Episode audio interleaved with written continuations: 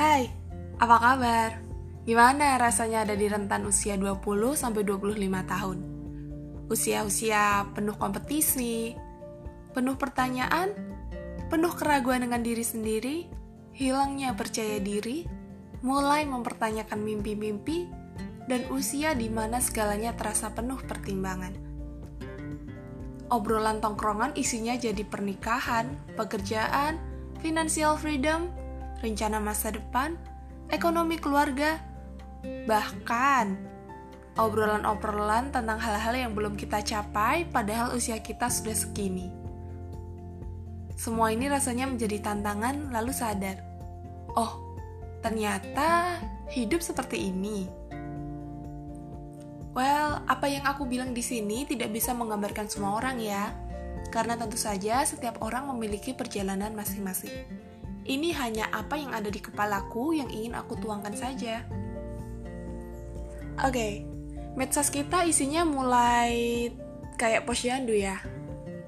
Isinya anak-anak, anak-anak kecil, lalu kita melihat teman-teman sekolah dulu ternyata sudah mulai bertunangan bahkan menikah, lalu update kehidupan bahagia dengan anak dan pasangan.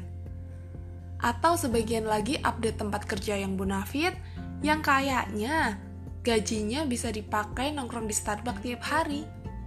Lalu kita ngerasa, kok aku belum kayak gini? Kok aku belum kayak mereka? Kok aku gini-gini aja? Hmm, banyak yang bilang kalau setiap orang memiliki perjalanannya masing-masing memiliki waktu masing-masing, dan semua sudah digariskan Tuhan. Tapi tetap saja, jauh di dalam pikiran kita ada perasaan tertinggal. Kita merasa tidak berbuat banyak. Kita merasa kalau kehidupan kita berjalan di tempat. Kalau dulu semasa sekolah kita naik kelas semua, kita merasa tenang karena kita merasa akan menyambut masa depan bersama Lalu naik jenjang, kalau dulu semasa kuliah kita selalu merasa ditekan pertanyaan, Oi, lo kapan sidang? Yang lainnya udah lo itu. Ternyata, kehidupan setelah selesai memakai toga sungguh menakjubkan. Tidak heran, kartu-kartu ucapan saat wisuda mereka bilang, Welcome to the jungle. Karena benar adanya. Memasuki dunia kerja, dunia yang kata orang-orang kita sudah harus dewasa, rasanya seperti dilepas di tengah hutan. Hutan, hutan, hutan, hutan, tiba-tiba jurang. Welcome to the real life. Oke, aku cerita dari sisiku lebih dulu. Aku perempuan, anak sulung, saat ini usiaku 23 tahun. Aku tidak bekerja di perusahaan yang bonafit, penghasilanku tidak sebanyak bisa digunakan jajan kopi setiap hari. Lalu tahun kemarin relationshipku berantakan parah dan berakhir tidak menyenangkan.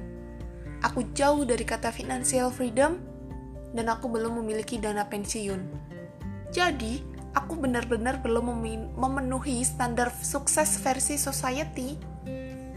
Aku jauh dari kriteria anak berhasil yang jadi bahan tetangga buat dibandingin ke anaknya. Aku belum menemukan someone that will be the one, jadi aku jauh dari keuuan relationship. Dan tentu saja orang tuaku sering menanyakan, gimana masa depanmu? Mereka sedang di fase meragukan anaknya, coy. Ke mana nih hasil jerih payah mereka menyekolahkan anaknya ini? Kenapa anaknya belum terlihat punya kestabilan finansial nih? Kenapa anaknya belum terlihat bisa menemukan calon mantu idaman untuk kedua orang tuanya. Usia-usia kampret ini beneran sering bikin kita overthinking tiap malam. Kita kayak ngerasa dikejar sama waktu, sama umur, dan bahkan kita belum mencapai satu hal yang benar-benar ingin kita capai dari kecil. Lalu kita merasa, oh, ini rasanya ada di titik quarter life crisis Well, kalau kamu mendengar ceritaku ini dan kamu merasa, ternyata aku gak sendirian ya. Yes, kamu gak sendirian. Yang kamu butuh itu bukan sekedar motivasi kan? Kamu juga butuh seseorang yang meyakinkan kamu kalau di kondisimu ini normal. Gak apa-apa. Ada yang sedang merasakan hal yang sama, bahwa ternyata yang belum sukses versi standar society itu bukan cuma kamu. Ternyata masih ada beberapa orang, beberapa teman yang nasibnya sama, merasa belum bisa mencapai apa-apa. Ya udah sini kita tos dulu. Jadi, kalau di usia ini kamu masih merasakan patah hati karena hubungan yang berakhir, di saat teman-temanmu sudah update kehidupan bahagia rumah tangga, gak apa-apa, Tuhan sedang menjauhkan kamu dari orang yang kurang tepat, atau Tuhan sedang meminta kamu untuk belajar lebih dewasa, supaya nanti dipertemukan dengan orang baru yang versinya lebih baik, atau dikembalikan ke orang lama, tapi dengan sama-sama sudah dewasa.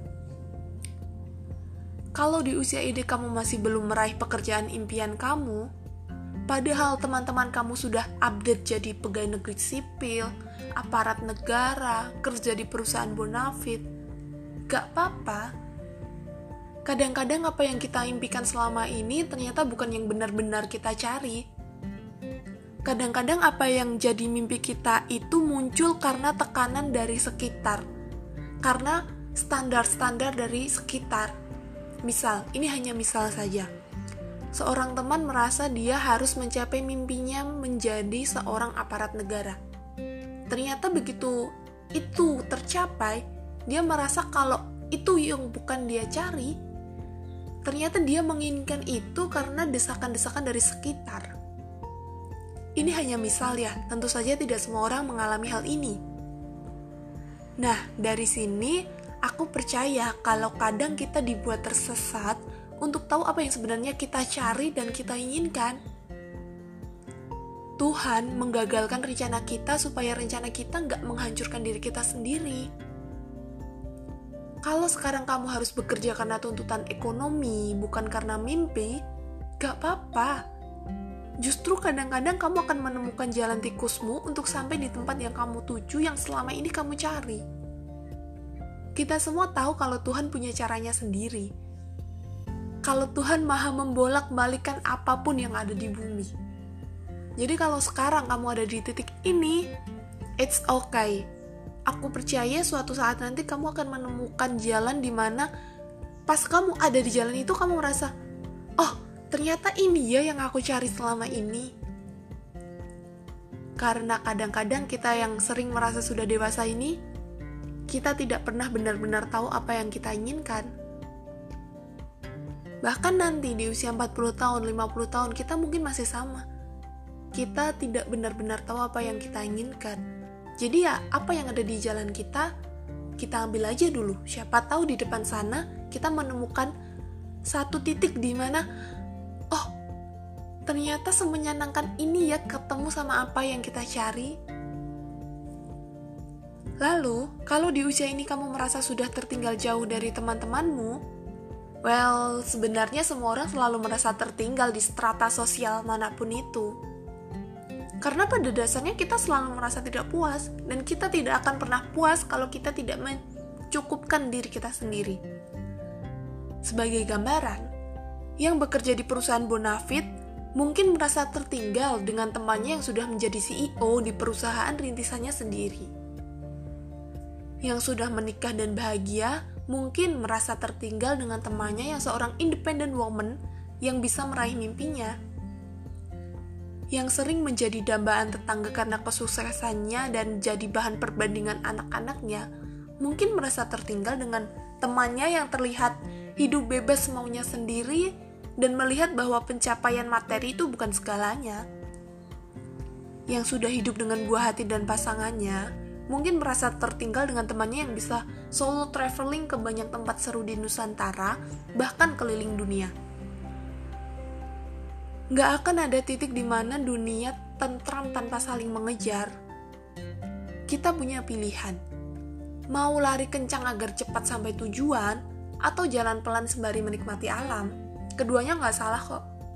Kita punya cara sendiri untuk sampai di tujuan, meski nanti jalanan kita mungkin akan dibuat Tuhan sebegitu berkelok, menanjak, dan tiba-tiba harus mencari jalan baru. Kita selalu punya pilihan, bahkan di saat kita merasa tidak punya pilihan, kita punya pilihan untuk tidak mengambil pilihan itu. Misal, waktu kita merasa jalanan buntu, take your time untuk camping sebentar di pegunungan, menikmati waktu dan merasa cukup atas pencapaian kita, untuk notice aja agar kita bersyukur telah sampai di titik ini, lalu kemudian kita melipat tenda dan mulai perjalanan baru lagi. Eh, apa sih yang harus disyukuri dari hidupku yang gini-gini aja? Hei, kalau kamu bisa punya waktu untuk melakukan hobi kamu, hidupmu itu patut disyukuri.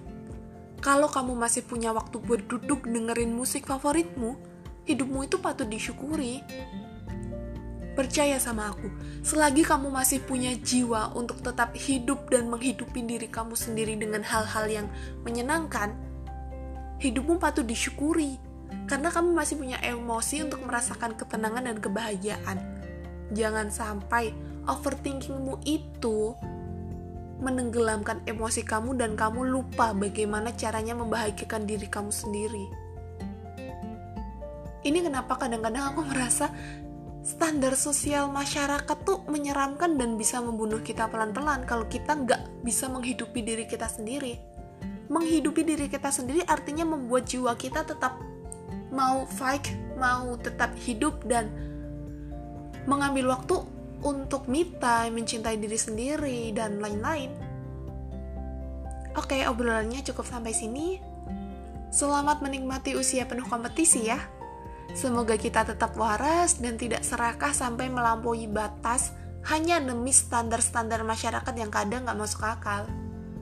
Semoga tetap punya waktu untuk menikmati kebersamaan dengan diri sendiri, dengan orang-orang terkasih, dan jangan lupa mengucapkan Terima kasih untuk diri di, diri sendiri karena sudah berusaha keras sampai di titik ini. Sampai jumpa. Bye bye.